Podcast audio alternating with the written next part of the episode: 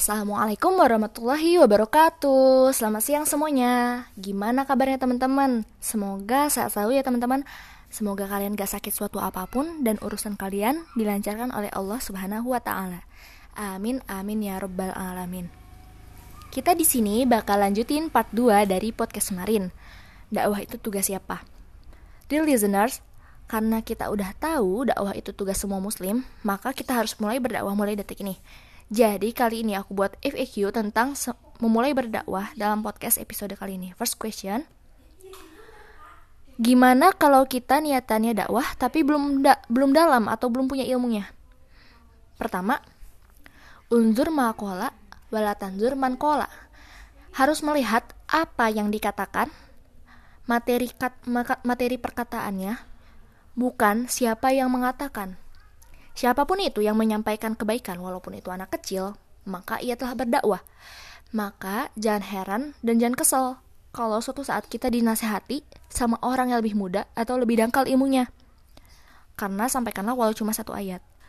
Ingat, bila kita menyampaikan keba kebaikan, kemudian orang lain menjadi termotivasi sehingga berbuat baik, kita mendapatkan ganjaran yang sama atas perbuatan baik tersebut.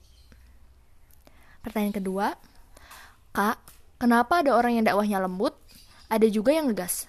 Kan kita semua nggak mau didakwahin dengan dimarah-marahin. Semuanya pasti mau didakwahin secara lembut dan sopan.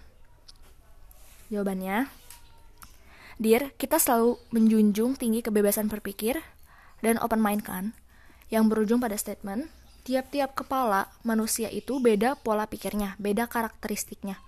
Itulah yang membuat kehidupan kita indah. Keberagaman, tapi ingat bahwa dakwah memiliki tujuan. Untuk mencapai tujuan itu, kita nggak bisa pukul sama rata. Semua or semua orang harus berdakwah dengan gaya dan gestur yang sama. Balik lagi ke awal, karena karakteristik dan sifat orang-orang di muka bumi itu berbeda. Anggap saja orang yang berdakwah itu alarm. Fungsi alarm itu untuk mengingatkan bila manusia atau pemiliknya itu lalai alarm ini banyak jenisnya di pasaran. Ada yang hardcore yang bangunnya yang bangunin dengan dering yang bener-bener keras banget yang kalau bisa dibilang sekampung bangun kali. Terus ada juga yang dering itu lembut banget kayak bangunin anak ayam. Nah dakwah kita tuh nah kita uh, wajar aja gitu kita ngelihat pendakwah-pendakwah ada yang mungkin gesturnya agak keras mungkin dari sifat dari cara ngomongnya emang kayak gitu dari asal daerahnya misalnya. Ada juga yang lembut karena emang asal daerahnya uh, membuat apa ya logat daerah dia tuh logat cara ngomong itu lembut banget. Begitu juga dengan alarm jadi kita tuh pilih aja yang cocok sama kamu. Dan jangan jangan karena kamu gak suka sama salah satu jenis alarm kamu banting kamu hancurin Padahal alarm itu masih punya manfaat di yang lain gitu. Jikalau orang itu sudah ikhlas untuk didakwahi, maka dia nggak bakal cari pembenaran karena yang namanya kebenaran itu cuma ada satu. Jangan sampai kita membenci saudara sendiri yang berdakwah tapi malah bela-belain orang kafir. Kemudian yang ketiga, Kak, gimana caranya kita berdakwah tanpa dibenci? Uh, jawabannya, karena isi tiap kepala manusia berbeda-beda ya. Kamu nggak bisa maksa seseorang jadi suka sama kamu atau benci sama kamu. Itu semua refleks tergantung dengan pola pikir yang mereka dapatkan di kehidupan yang sebelumnya atau saat belum ketemu kamu. Kebenaran itu hanya ada satu. Bila informasi yang seseorang dapatkan sebelumnya merupakan penyimpangan, maka ia akan terbiasa dengan penyimpangan tersebut. Wajar bila ia akan melakukan tindakan defensif atau